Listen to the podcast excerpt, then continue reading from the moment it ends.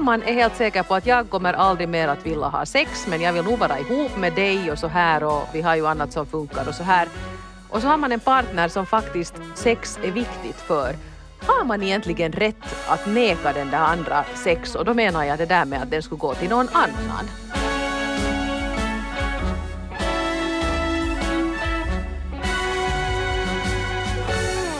Ja, i dagens eh, upplaga av relationspodden Norren av Frans så är kanske inte riktigt eh, ämnad för familjens minsta. Så om du hör det här på Vegas och har barnen i baksätet så kanske det, det är energy som gäller en, en halvtimme här framöver. För vi ska nämligen prata om celibat, frivilligt eller ofrivilligt celibat och huruvida det går att leva lycklig utan att ligga.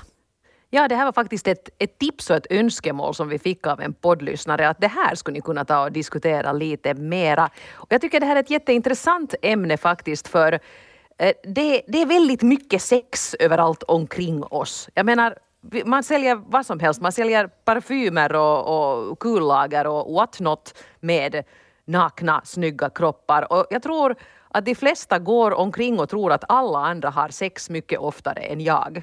Mm.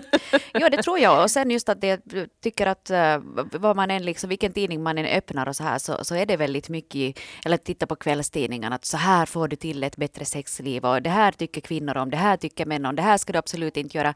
Och att det liksom antas att alla ligger hela tiden. Jag minns ju det där när man växte upp och, jag började läsa sånt som Cosmopolitan helt för tidigt det var ju kanske en, en tidning som egentligen var för lite mer vuxna jag läste det som tonåring och jag blev nästan stressad av det där att gästas vad det här sexandet verkar komplicerat och det var hemskt mycket hur man skulle tillfredsställa mannen och vad killar gillar hit och dit. Jag tyckte att, att hur, hur tusan ska jag fixa det här nu då? Och det där har på något sätt, tror jag, i vår generation ganska mycket hängt med. Det här med att sex är ganska komplicerat. Medan jag nu tycker att jag ser bland de som är tonåringar och 20-åringar och så här idag att det bland många av dem finns en väldigt mycket mer avslappnad inställning till det hela. Att sex ska vara någonting kul och härligt eller men inte, men inte någonting obligatoriskt. Och vi har ju faktiskt fått brev av också unga människor som har valt bort sex och är helt nöjda med det. Mm. Och det är ju ibland så lite svårt det här med, med då vi väljer våra ämnen. Och vi tänkte ju inför det här avsnittet också att det här är ett sånt avsnitt att antingen så kommer det liksom två svar att usch, ska ni prata snusk nu igen där norren och Frans. Eller det kom ett så, sånt också. Ja, det kom, kom ett sånt också. Det måste ju komma ett åtminstone. Eller sen så är det ett här ämne som ni verkligen går igång på och det här gick ni igång på. Jag tror vi har ja, 14-15 sidor med, med brev här från mm. er som handlar om, om celibat, ofrivilligt och frivilligt sådant. Så jag tänkte att kanske vi bara helt enkelt börjar, börjar på och harvar igenom den här brevskörden för att få lite olika syn på det här, för det är väldigt många olika aspekter som ni har tagit upp. Det är det verkligen. Och vi kan ju börja här med 57an som har skrivit Det är skönt att leva i celibat. Jag har varit gift i 20 år och särbo i 5 år och är idag singel sedan 10 år tillbaka. Och det jag minst saknar från de två förhållandena är sexet och det eviga kladdandet på min kropp. Jag njuter nu för tiden av att kunna bada bastu utan att någon känner för att ha sex just där och då. Jag gillar också att ligga och dra mig länge på helgmorgnar utan att någon ligger bredvid och petar på mig i väntan på morgonsex. Sex är överskattat. Det finns ett kvalitativt liv utan sex också. Mm. Där ser man, 57 har fått nog. Mm. Här har också singelkvinna 48 skrivit och är inne lite på samma linje. Som singel så har jag stött på uppfattningen att även om jag säkert är lycklig så saknar jag nog sex, men svaret är nej. Känner jag någon gång lust så sköter jag det själv och blir fullt tillfredsställd. Detta till skillnad mot att ha sex med någon tio gånger och bli nöjd max en gång. Det är definitivt ingen uppoffring att leva som singel. Tvärtom, sinnesron man har är oslagbar. Och trivs man i sitt eget sällskap så är man aldrig ensam så skriver nöjd 48-årig singelkvinna. Ja, och det, det, låter ju, det låter ju jättebra. Jag menar, jag tycker det här är ett intressant ämne just därför för att, att jag bara sitter nu här och försöker lära mig och reflektera för jag har inte riktigt någon åsikt om det här med celibat. Jag tycker att om det funkar för en så, så ska man väl få göra det nu då. Men det finns ju nog också de som har skrivit till oss som inte är lika harmoniska i det här som, som singelkvinna 48. Och det var intressant att först när breven började rassla in den här veckan så var det nästan uteslutande så att det var kvinnor som skrev ja, jag lever i celibat, det är tippetoppen, som just de här breven vi nu har läst. Och så var det män som skrev att jag lever i ofrivilligt celibat och det är hemskt. Mm. och det var ganska så här, nu, nu hårdrar jag det, men alltså de första 20 breven så var nästan kategoriskt såna här. Och sen började det komma in de som var tvärtom. Män som är helt nöjda med att leva utan sex och kvinnor som är den i relationen som skulle vilja men så har man kanske en partner som inte alls är intresserad. Så det är verkligen inte någonting svartvitt det här och, och synvinklarna och perspektiven blev många. Mm, ja, ja jag, jag, hade också lite tänkt eller haft en sån här fördom att det är kvinnor som inte vill och karlarna som springer efter vet du sådär som flåsande hundvalpar. Att, kan inte vi nu lite? men, men så var det faktiskt inte, äh, inte riktigt heller. Ja, ett exempel på, på en man som inte alls är nöjd med sitt liv i celibat är ju då signaturen Halvdöd 39 som skriver Celibat suger helt otroligt. Jag tror inte att det går att leva lycklig utan sex så länge man har sexlust. Jag har levt ensam och utan vänner i hela mitt liv på grund av mobbning och har naturligtvis aldrig haft någon flickvän. Jag hatar mig själv så mycket att jag inte kan gå ut och försöka få ett ragg. Det går bara inte eftersom självhatet gör att jag inte tycker att jag är värd att ha någon. Jag har någon gång till och med funderat på att resa utomlands och besöka en glädjeflicka men tycker att det är så fel så det har inte blivit av. Och jag är för övrigt fullständigt porrskadad. Skriver då halvdöd 39 år. Mm. Eh, jag blir så ledsen när jag, när jag hör eh, det här brevet för att det känns som att eh, den här personen lite sådär står i vägen för sin egen lycka. Och jag tänker mm. att jag kan förstå det där att man är traumatiserad av mobbning och man är väldigt misstänksam mot andra människor och att det finns liksom att man har så stora trösklar åt alla håll att man helt enkelt inte kan riktigt skapa en kontakt med en annan människa. Så att om man har någonting sånt här som, som liksom ligger ganska djupt rotat i en så skulle ju nog säkert eh, en terapeut kunna hjälpa dig med det. För att jag menar, man ska inte vara halvdöd vid 39 utan du ska, det är liksom nu som livet börjar. No, men det är ju precis så. Jag, jag tänker precis samma som du Hanna, att jag tror den här personen som har skrivit till oss skulle skulle kunna få hjälp med det här. Och sen tycker jag, no, jag tycker absolut inte att man ska gå till prostituerade, men jag tycker det där med att resa utomlands inte är en så dum idé. Och då menar jag inte att du ska få på någon, nödvändigtvis få på någon sån här sexresa med det som det enda syfte, men res utomlands för att när man är utomlands så är man lite en annan person. Så att om du behöver lite en paus från dig och att gå i samma hemknutar och bli påmind om mobbare och folk som har varit hemska med dig. Du kanske skulle slippa det om du lite skulle byta plats ibland. Men nej, gå inte till en prostituerad. Det, det vill jag nog inte på något sätt uppmuntra till. Men jag tycker att du har så mycket liv kvar och jag tycker också att du verkar ju ha någonting som många i den här situationen saknar. Du har en otrolig självinsikt. Du mm. vet själv att du är du noterar själv att du är porrskadad och du vet själv att, att de här relationsproblemen som du har, vad de beror på. Du tycks ha ganska bra koll på, på läget. Och i och med det så har du ju redan kommit en bit på vägen. Så kämpa på och, och be om hjälp för vi, vi litar på dig, vi tror på dig, vi tror att det här kan bli bättre. Mm. Och jag tror, just det här som du sa Eva också med att, att åka utomlands, för att vi finnar, vi är ju inte sådana här naturliga flirtare. Att det kan ju också hända att om du fast åker ner till Italien, så mitt i allt så sätter du dig på en piazza och så märker du att det liksom börjar hända saker, att folk är mer öppna och pratar mera och tar kontakt och kanske vet du, flirtar och tittar lite längre. Att man, du kanske skulle kunna träna på det där i en miljö där du inte känner någon och ingen vet vem du är och liksom, även fast du går åt skogen så, så kommer ingen att komma ihåg det och du blir inte liksom fast för det på något vis eller behöver inte skämmas eller något sånt. Så. Nej, precis. Ja, men, men lycka till jag menar du, du ska inte behöva ha det så här. Ja. Mm. Vi skulle kunna ta här i, i samma veva ett brev av en annan man som har ett helt annat upplägg. Här är signaturen man48 som skriver att min fru vill inte ha sex och det är många år sedan det sist blev av. Och det är synd för jag tycker att hon är väldigt attraktiv. Lite kroppskontakt har vi i alla fall, men det är alltid på mitt initiativ. På någon sorts kompisnivå fungerar vår relation utmärkt och vi har ett barn så därför är vi fortfarande ihop. Men nöjd med situationen är jag ju inte, men man kan väl inte få allt här i livet. Man 48 skriver så. Mm. jag måste nog faktiskt säga att det, det är flera som tänker lite i samma bana, att man kanske inte kan få allt och att sex kanske inte är det viktigaste. Och här får du faktiskt lite lite vad ska jag säga, flankstöd här av kvinna 38 som skriver så här. Jag och min man har sex en till två gånger om året och då är det alltid på mitt initiativ. Så jag skulle nog påstå att vi har ett ganska sexlöst förhållande. Däremot så har vi ett otroligt kärleksfullt förhållande. Vi är väldigt fysiska med varandra, ger pussar och kramar flera gånger om dagen och uttrycker vår kärlek till varandra genom handlingar och ord. Jag vet att om jag vill ha sex så då har vi det, men det måste vara på mitt initiativ. Han har aldrig sagt att han inte skulle vilja vara intim med mig, men jag har ju märkt att ju längre tiden går, desto mindre behov av sex har även jag.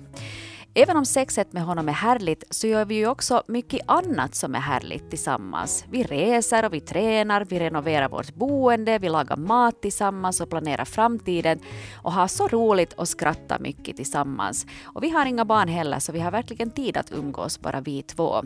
Så mitt nuvarande förhållande bygger på ömsesidig kärlek, respekt och tillit och det är så mycket viktigare än sex enligt mig. Säger kvinna 38. Mm. Ja, men det där, är, det där är också intressant och det här är ju ett bevis på att det går ganska bra att leva i ett lyckligt förhållande om man är överens om att för oss är sex inte så himla viktigt. Mm. Det är ju igen de här som vi återkommer till alltid emellanåt, de här kärlekens fem språk och de här mm. parterapimetoderna och det här att om man i relationen är helt på samma sida där att nej, att sex är kul, kanske någon gång om vi får till det, men det är inte det viktigaste för oss så då är ju inte det här celibatet någon uppoffring alls utan kanske någonting som blir av helt naturligt. Mm, ja, och det liksom funkar och de verkar ha en härlig relation ändå. Gör en massa mm. roliga grejer men att för dem, och de har ju liksom hittat rätt person i livet då båda är liksom i synk då det gäller det här. Precis, medan då han mannen som skrev brevet vi läste här före, där är de inte i synk. Han skulle vilja, han tycker att frun är jättefin men hon har liksom stängt av. Och eh, det tror jag det blir ju lite sådär att den ena hela tiden gör uppoffringar. Antingen att någon ställer upp på sex fast den nu egentligen inte riktigt skulle vilja eller att någon då inte får ha sex fast den nog skulle tycka att det skulle behövas lite nu som då. Mm. Och jag vet inte, kanske, kanske man kan leva så hela livet ut men jag är lite skeptisk. Jag tror att det där kan bli i något skede ett så stort problem eller en så stor liksom stötesten i förhållande att det sen kan få andra saker också att börja gå på sned. Ja, och sen att folk är liksom olika när det kommer till, till sexlust. Att vissa människor är väldigt sexuella varelser och för dem så är det liksom en en dealbreaker. Det är helt enkelt någonting som måste finnas i relationen. Medan andra sen kanske inte är så intresserade. Det kanske man måste fråga en expert men att vi kanske är bara helt enkelt lite, lite olika funtade på det viset. Mm. Mm. Eh, här har vi en eh, kvinna som kallar sig Kanelbullen, 50 år, som eh, är också lite inne på samma linje. Jag är en av dem som lever i ofrivilligt celibat. Jag har varit gift i 20 år och vi har tre barn och vårt sex slutade för cirka tre år sedan när jag insåg att det alltid var jag som tog initiativet. Och då sa jag till min partner att jag skulle uppskatta om hen också någon gång tog initiativet. Alla vill ju känna sig åtrådda och attraktiva, speciellt för sin partner eller den man är gift med, men jag känner mig både oattraktiv och dåligt behandlad. Helt enkelt mer som en städerska och matlagningsmaskin där hemma. Jag vet att vi borde gå i parterapi, men när skulle vi hinna med det när vi jobbar heltid och jobbet tar musten av oss? Jag har försökt hitta andra sätt att njuta av livet men ändå hela tiden har jag i bakhuvudet en tanke om att min partner kanske till och med har en annan, speciellt som hen inte vill tala om saken. Mm.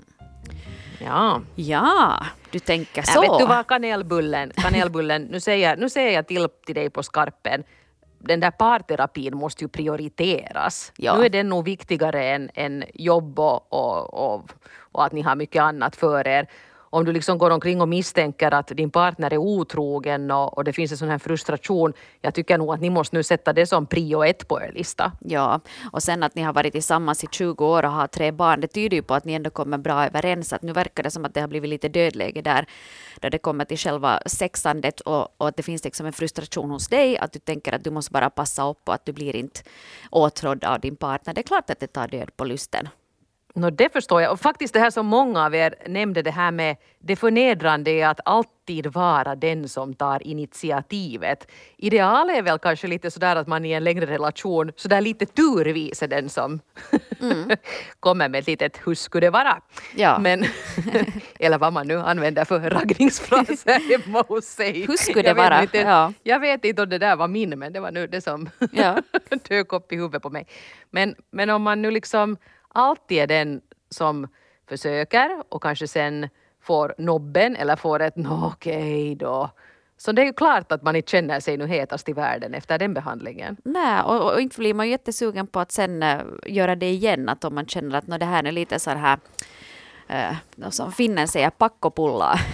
Mm. att vad heter att det är någonting som man måste göra eller det är någonting som ska prickas av listan. Så att nu är det ju, nu, ja, nej, nu, nu kanelbullen så bokar ni en tid till parterapeuten. Eller en sån här sexualterapeut, det skulle också säkert kunna vara bra. Det tror jag också. Jag, jag måste nog faktiskt nu slänga in nu här, jag vet inte om jag provocerar folk nu helt otroligt. Men jag funderar på sådana här relationer där den ena bara har bestämt att jag vill inte ha sex. Då fattar man ju i princip ett beslut för båda två. Mm. Och jag undrar att om man är helt säker på att jag kommer aldrig mer att vilja ha sex men jag vill nog vara ihop med dig och så här och, och vi har ju annat som funkar och så här. Och så har man en partner som faktiskt sex är viktigt för. Har man egentligen rätt att neka den där andra sex? Och då menar jag det där med att den skulle gå till någon annan. Alltså, man skulle öppna upp förhållande för den som vill ha sex. Jag börjar på något sätt nästan lite få den där känslan av att man borde tillåta det då om man har bestämt att jag tänker inte ställa upp på sex något mer. Hmm. Intressant tanke.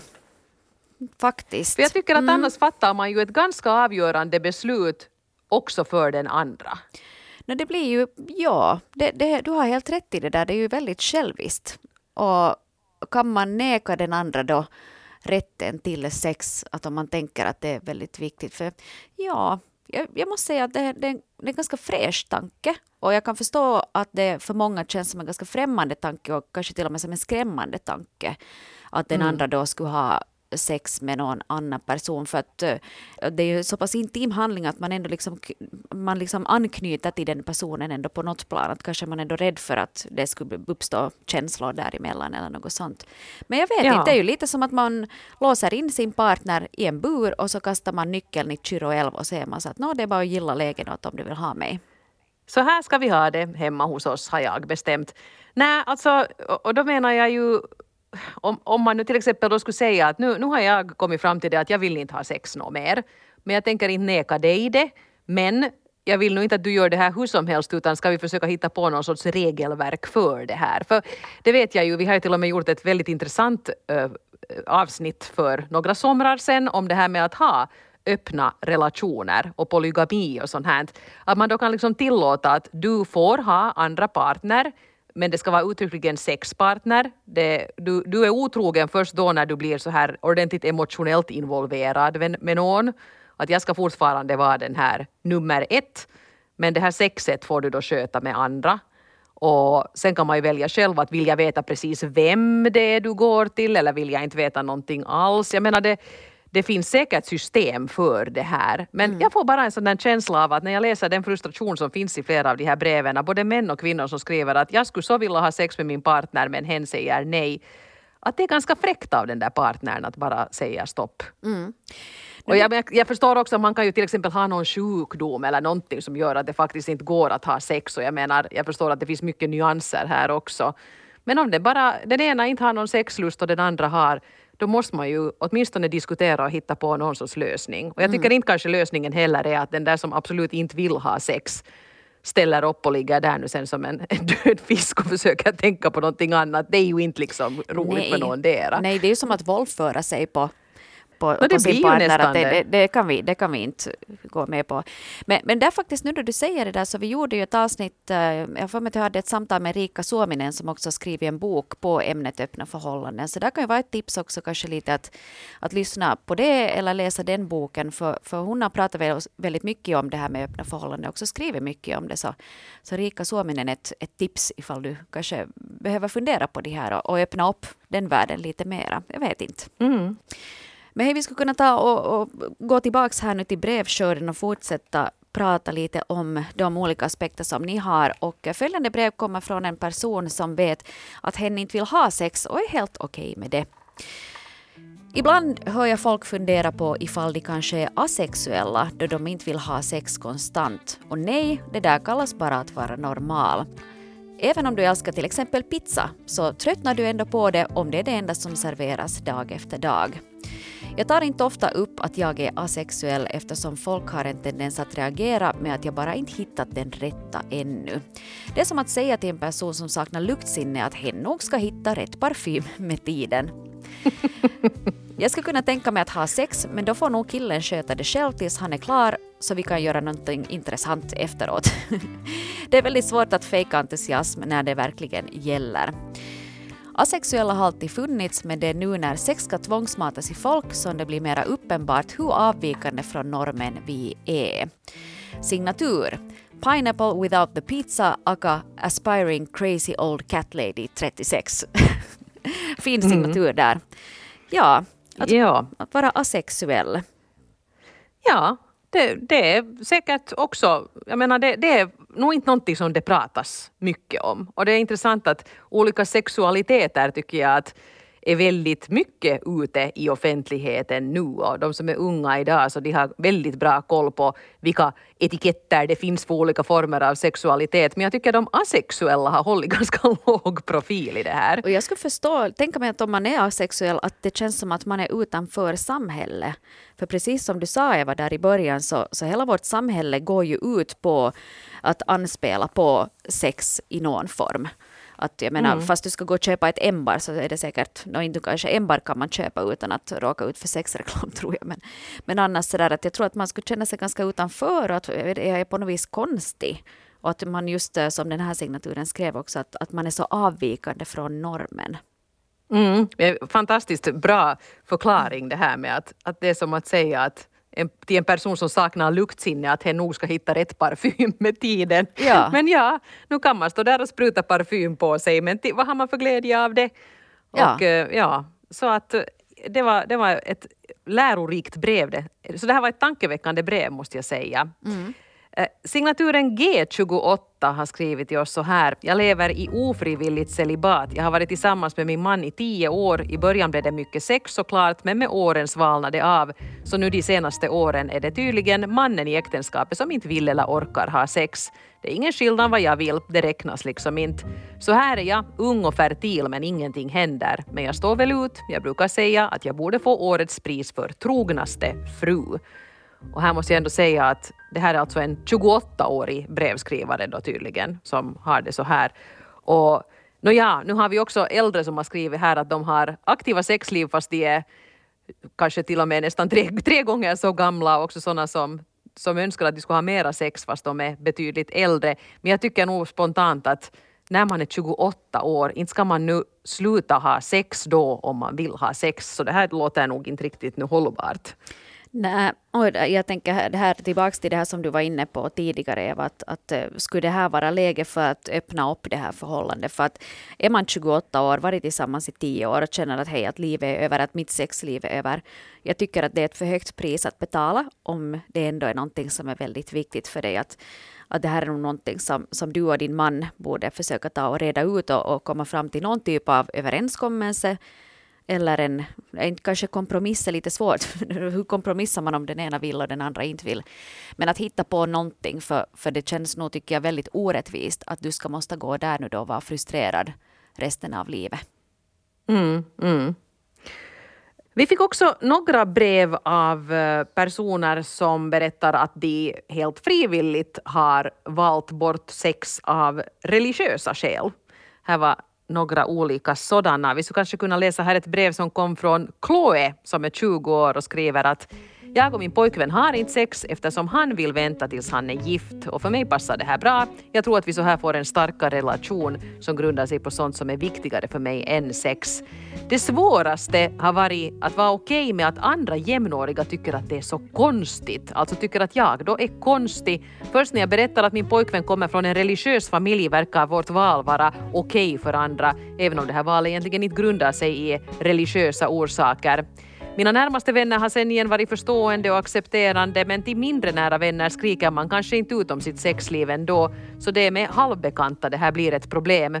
Oftast känner jag att mitt liv är ganska vanligt. Om det är en annorlunda än andras så är det inte på grund av att jag inte har sex. Uh, jag tyckte det här var ett intressant brev för att jag, jag vet inte, jag brukar nog kanske inte prata om sexliv med halvbekanta. Nej, inte ens med bekanta, med, med, med närmaste vänner ja. Nej, så att vad märkligt att, att det då är den här, eller märkligt, jag menar det, jag, i, i, tant Eva tycker att det här känns så udda det här att, att man som 20-åring ska rapportera om sitt sexliv till halvbekanta människor som sen får oja och voja när de hör att man inte har sex. Jag menar det angår väl för böveln inte dem. Säg för böveln också så förstår alla att du är ung och hipp. Ja, det är tant Evas, Evas uttryck. Det är fritt, att, fritt fram att låna. Nej, och sen att jag menar 20 år, jag menar det finns många som aldrig har ens haft sex när de är 20 år. Att, att jag förstår inte varför det här ska, måste vara någonting som ska antas. Och, och det tycker jag också att, att om du eh, är en sån som brukar lägga dig i hur ofta andra har sex, så sluta av med det. Det, no, det, det, är liksom en privatsak. Om det är någonting, fast att om man tänker att man skulle ha eh, ett problem, så kanske man tänker att hej, att Eva, får jag tala med dig, att det här är nu kanske lite too much, att det är okej okay att vi diskuterar det här, att man vänder sig till någon som man litar på, eller en terapeut som har tystnadsplikt om man vill tala med någon som, som inte man känner sådär personligen. Så, så jag tycker nog att man måste respektera det, att folk folk liksom har det som de har det och man behöver inte lägga Precis. sig i vad som händer liksom i andras sängkammare. Och nu måste jag ännu tillägga här att om man tycker att det är jätteroligt att prata om sex och gärna vill dela med sig vitt och brett, så jag menar det är ju förstås inget fel på det, det ska man ju också få göra, men man måste kanske acceptera att alla inte funtade på riktigt samma sätt som man själv. Man måste kanske hitta sitt sexsnackgäng och så låter man de som inte vill prata om sex vara i fred. Ja, det är ju väldigt olika på jargongen i sällskap också. Att jag vet att jag, jag och mina vänner, vi pratar aldrig om det. Medan vi har till exempel bekanta också som att de pratar bara om det. Så mm. det, det är kanske där man behöver söka upp sånt sällskap som har en sån jargong som passar dig bäst.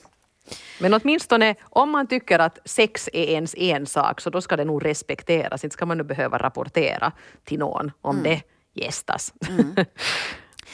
Men vi skulle kunna kanske börja äh, avrunda den här podden med två brev som ändå inger lite hopp. Det här är alltså personer som har eh, haft det lite snårigt med sexlivet tidigare men har lyckats vända på det. Så vi skulle kanske kunna ta de två breven nu här till sist. Mm. Hustrun 47 är först ut på den här fronten och skriver så här. Att leva i celibat är fruktansvärt om man är en normal människa som älskar och behöver sex. Det är nog lite som ofrivillig fasta. Att ständigt gå hungrig och drömma om mat gör ingen speciellt glad och lycklig. Jag har varit gift med min man i över 20 år. Han lider av utmattningssyndrom och svåra sömnproblem vilket gör att han är ständigt trött och sällan har lust eller kapacitet till sex. Det blir högst en till två gånger i månaden om ens det. Jag skulle gärna ha sex några gånger i veckan vilket jag tycker att är helt normalt men oftast så lägger jag mig arg, hungrig och frustrerad. För tio år sedan så skaffade jag världens bästa dildo och orgasmen som den ger är underbar, kanske till och med bättre än i vanligt samlag. Men jag tycker inte om att alltid äta ensam, fast hur bra och god maten än är. Det ger mig så mycket mer om man kan dela den här upplevelsen med någon. Jag vet att min man älskar mig och jag vill inte lämna honom eller vara otrogen, men situationen är jobbig. Nå, tack gode gud för effektiva sexleksaker. De har på ett sätt räddat vårt äktenskap skriver hustrun 47. Ja, där, där fanns då tydligen lite hjälpmedel som hon kunde hitta. Nu är ju förstås det som skulle vara roligt är att ändå på något sätt kunna involvera mannen i det hela. Att han inte kanske behöver känna sig tvungen att, att vara delaktig på ett sätt som, som inte, om han nu liksom har sömnproblem och utmattningssyndrom och, och allt det där. Men kanske de så småningom skulle hitta till, jag menar han är ju säkert nöjdare han också när han märker att hon är nöjdare tack vare de här sexleksakerna. Men som hon skriver här, det är ju tråkigt att äta ensam hela tiden. Mm. Och sen finns det också mm. hopp i det där att om du till exempel har blivit drabbad av uh, utmattningssyndrom eller depression eller någon sjukdom, så uh, oftast är det ju ändå övergående. Att om man kan säga att vi har varit tillsammans i 20 år, att nu kanske det är så här i ett år, och då får vi leva med mm. det. Och sen kanske om han börjar må bättre då sen så kanske det finns hopp då att, att lite börja testa. Men jag skulle nog akta mig för att liksom pusha den här mannen som ändå känner liksom att världen har ramlat ihop över honom. Så det sista man behöver då är att någon ännu lägger liksom tyngd på börda.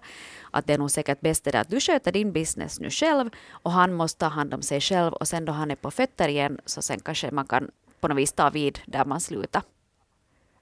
Jag, jag, håller inte riktigt med. Jag tycker man ska kunna säga det här till honom fast han är utmattad. För hon måste också få vara lite självisk i det här, den här kvinnan. Jag menar om hon bara ger avkall på allting för att han är trött och, och, och dålig och, och sjuk och, och sover dåligt. Men man kan ju göra det på ett, ett sätt som inte är anklagande. Utan faktiskt säga att jag, jag, jag, tycker fortfarande att du är helt ljuvlig och du vet att jag skulle vilja ha sex med dig och jag vet också att det inte går just nu och det är okej okay, för jag hittar på det här men, men det skulle vara jätteviktigt att vi fortsätter att prata om det här och, och jag har nu en sån här jättebra dildo att skulle du vilja vara med ändå någon gång kan inte vi testa det här? För jag tror det skulle kunna vara viktigt i den där relationen att hon inte slutar visa åt honom att hon tycker att han är ganska härlig.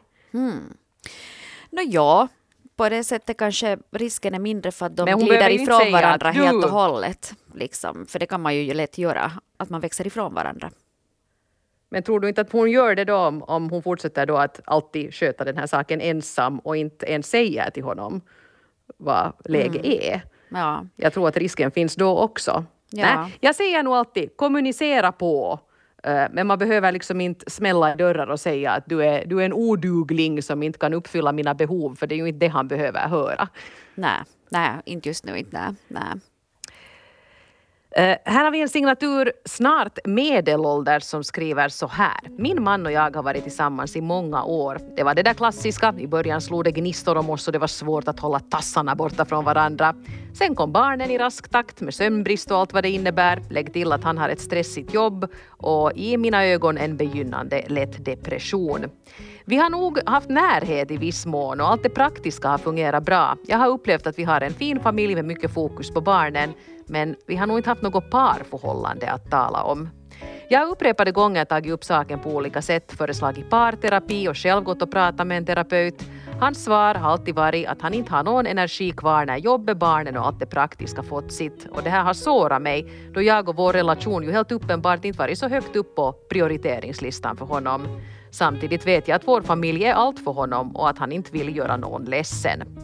Nå, efter lång tid och många diskussioner, tårar och försök att få honom att se saken från min sida så har faktiskt någonting hänt nu i sommar. Vi har hittat tillbaka till varandra sexuellt, vilket har lett till att den lekfulla stämningen mellan oss också har återvänt. Han har förhoppningsvis insett vad som varit min poäng hela tiden, nämligen att vårt parförhållande och ett aktivt sexliv faktiskt kan ge mera energi åt de övriga områdena i livet. Men det händer inte av sig självt, speciellt inte under de intensiva småbarnsåren. Man måste ju anstränga sig för att få något till stånd. Ha ha. det var brevskrivarens ha ha där på mm. slutet, men jag, in, jag instämmer. men det här, det här tror jag, det, det här som alla småbarnsföräldrar behöver höra nu. För att småbarnsåren, mm. det är ju en eländig tid. Alltså det, det, är tungt och man sover inte och det är jobb och det är, liksom, det är en sån hässäcka hela tiden. Att man känner kanske att åh, inte det här också. Och det men, kanske ligger ett barn i sängen och och då går det ju inte och man måste börja med att flytta på dem och försöka ljudisolera och det är ett himla ståhej. Ja, så där tycker jag att det är fint att de, det, det, var liksom några svåra år där. Men sen att de nu har hittat tillbaks till det och, och sen just att, att allting blir så mycket lättare då, då det är roligt i relationen. Det som uh, min vår kära vän Dr. Phil brukar säga, att det kommer till pengar och till sex, så att det brukar oftast inte vara något problem, förutom då man inte har det. Att bara, mm. att bara man har det ens i någon form så, så funkar det. Att du har nu, får lite makaroner på bordet och får ligga någon gång sådär nu och då, så då funkar det helt bra. Och, och då ger det just liksom mera eh, energi också till, till relationen. Så, så det här tycker jag att är härligt och att ni båda har märkt att wow, det är ju ganska kul då vi kan vet du, kasta och skämta lite mera och skoja och kanske vet du, ge en kram i förbifarten. Att allt det här ger positiv energi till allt annat. För det är ju just det här som är det, det, avgörande och det här har vi pratat om flera gånger i avsnitt när vi har haft Patrik Järn som gäst. Att i de här situationerna där den ena vill och den andra skulle vilja vilja. Mm. där finns det lite mer spelrum och hopp. Sen finns det ju de här relationerna där den ena absolut inte vill och den andra vill och då är det värre för då blir det ju faktiskt det här att man nästan våldför sig på den där som nu sådär ställer upp men, men inte faktiskt är riktigt med på noterna. Mm. Det, det tror jag inte är kul för någon dera. Men de här situationerna, just som, som i det här brevet, att den här mannen, inte var han ju tydligen nu sådär, inte var det helt omöjligt, men han var trött och det var så mycket annat. Men sen när de kom igång så hade det börjat hända saker. Att komma över den där tröskeln att, att nej men vi försöker nu lite här och det, det, det är sommar och, och, hon är ju nog ganska, hon är nog ganska grann när jag mm. nu tittar noga. Så kan det mitt i allt bli magi på nytt och det tycker jag ju var ett hoppingivande brev som vi fick här. Ja. Och, och som mm. du sa också Eva där så de här avsnitten med Patrik Järn, han har ju varit vår gäst flera gånger, så de finns ju också förstås på arenan, så man kan gå scrolla tillbaka lite där också och lyssna på dem. Men för att nu mm. summera så verkar det ju finnas uh, otroligt många aspekter av det här. Allt från det här med, med de lyckliga singlarna som tycker det är skönt att ingen kladdar på en, till att man är asexuell och helt nöjd med det eller att man är ofrivilligt celibat och tycker att det är alldeles fruktansvärt, eller att man är ett sådant saktmodigt ofrivilligt celibat men nog överlever och försöker gilla läget. Här var liksom av alla de slag. Mm. Och jag tycker det, det är liksom uppfriskande. Så tydligen mm. går det att leva helt lycklig utan sex ifall man är en sån person. Men vissa kan helt enkelt mm. inte göra det och om det är så att din relation inte ger dig det vad du behöver så då kanske det är dags att, att fundera på alternativa lösningar. Mm. Väldigt intressanta brev den här veckan och det kom in som sagt betydligt flera än de som nu rymdes här i podden. Vi lägger ut några till som vanligt på svenska.yle.fi. Och så får man ju gärna fortsätta skriva till oss också på relationspodden yle.fi eller via något av våra formulär. De blir liksom liggande kvar ute och då är ni helt anonyma när ni skriver till oss men de landar ändå i vår inbox, det som ni skriver i de här formulären. Och så måste vi lite trumpeta om Facebookgruppen Relationspodden Norrena och Frans också. Där kan man också höra av sig till oss. Mm, och skriva också vad man tycker om avsnitten eller om man vill diskutera någonting. Så, så det, det är fritt fram att diskutera där. Men ja, en stor kram och ett glatt hejdå här från, från relationspodden Norren och Frans och, och vi hörs igen sen om, om en vecka. Det gör vi. Ha det bra. Hej då.